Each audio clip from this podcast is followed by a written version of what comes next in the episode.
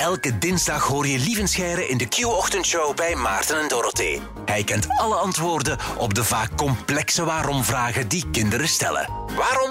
Daarom. Mijn zoontje Leon, vier jaar, stelt op het eerste gehoor een vrij simpele waarom-vraag. Maar als ik een poging doe om te antwoorden, kom ik niet verder dan daarom. Ze hebben het personeel aangenomen in de show om die vragen van mijn zoon te beantwoorden. Lieve Scheire, goedemorgen. Een goedemorgen. Hallo. Welkom op de grootste gender reveal party van het land. Ja, het is een beetje geëscaleerd Prachtig. allemaal. Maar we zijn ons aan het amuseren, dat wel. Hoe ging dat bij jouw drie kinderen eigenlijk, lieven? Eh, bij ons was dat telkens op de echo. Hè. Dus eh, op een bepaald moment op de echo zien ze dan of het een jongen of een meisje is. En eh, ja, dan, dan wisten we het. En ik denk dat wij het ook eh, vrij direct aan de hele familie verteld hebben. Ehm, ja, dat is, eh, dat, dat is zo'n dingetje. Of wacht, hadden we dat nu verteld of niet? Ik weet het al niet meer. Ja, ja, ja. In, in, in mijn vrouw haar familie zijn er zo hele harde tradities van wat dat je wel en niet moogt verklappen. Ah, dat is juist. En het geslacht mochten we niet verklappen. Ik vind dat vreselijk. Ik kan slecht dingen geheim houden. Ik verspreek mij constant. Ik gebruik dan hij en zij. Maar wij wisten het altijd, ja. Oké, wa- wat denk jij? Krijgt Maarten een, eh, een zoontje of een dochtertje? Kleine pronostiek, lieven? Ja. Goh, wat, heb, wat heb je al, Maarten? Wel, ik heb ze allebei al. Ah, Je hebt ze allebei al. Eentje van elk.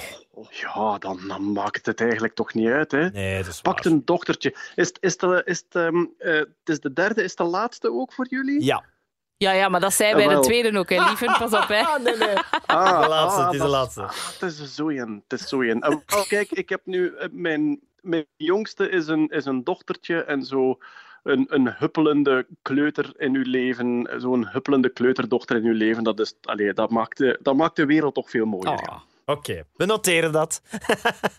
En je ontdekt het later vandaag Ja, wat het oh, wat is. een onnozelheid. Ja, sorry. Eh, Ja. Maar de vraag van vandaag voor jou, lieven, die heeft er wel mee te maken. Waarom krijgen sommige kindjes een broertje en dan een zusje?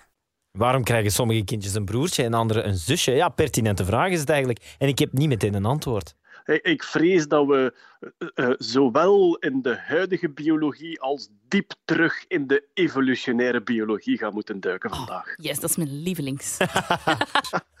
Goed, laat ons gewoon beginnen bij de dag van vandaag. De mensen die we nu zijn, hoe werkt dat? Ja, hoe dat wij er biologisch uitzien wordt bepaald door ons DNA, door onze genen. En daar heb je twee chromosomen. Chromosomen zijn zo DNA-pakketjes. Je hebt twee chromosomen die uw geslacht bepalen. Eén noemen we het X-chromosoom, het andere het Y-chromosoom. En hoe werkt dit? Als je twee X-chromosomen hebt, dan ben je een vrouw. Als je een X- en een Y-chromosoom hebt, dan ben je een man, biologisch een man. Goed, ehm, elk van uw ouders geeft één van de chromosomen door. En nu gaan we een beetje genetisch rekenen. Uw moeder heeft twee X-chromosomen. Ja? Ze geeft er eentje door aan u, dus iedereen heeft een X-chromosoom. Uw vader heeft een X- en een Y-chromosoom, geeft er eentje door aan u en daar wordt beslist of dat een jongen of een meisje wordt. Als de vader zijn X-chromosoom doorgeeft, dan is het een meisje. Als de vader zijn Y-chromosoom doorgeeft, dan is het een jongen.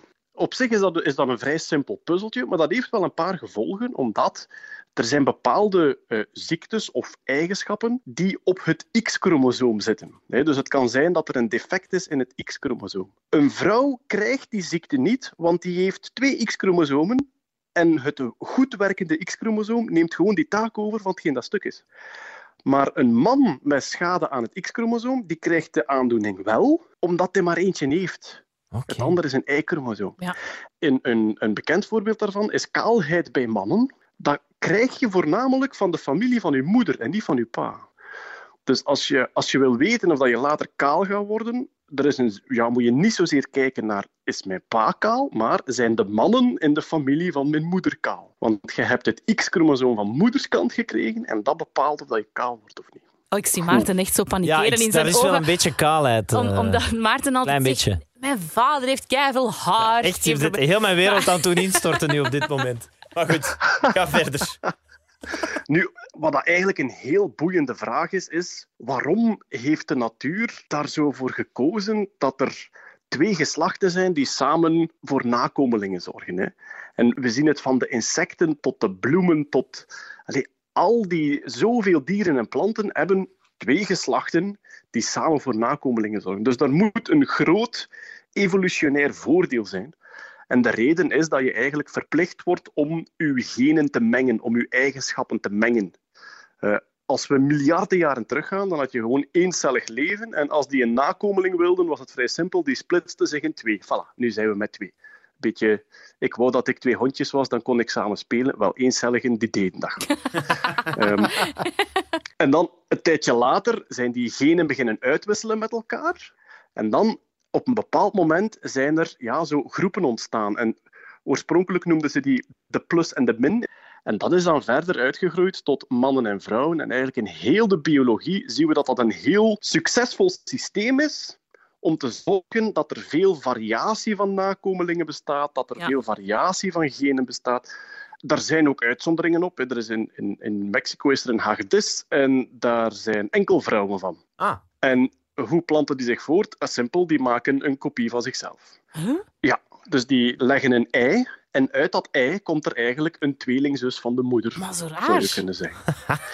nu, die soort die gaat verdwijnen. Dat kan niet anders. Want als, als er iets verandert in de omgeving, kunnen kunnen die zich niet niet meer aanpassen. genetisch... Nee. En dat is de reden waarom dat waarschijnlijk alle soorten die het geprobeerd hebben zonder man en vrouw, zonder dat soort voortplanting, die zijn waarschijnlijk gewoon verdwenen.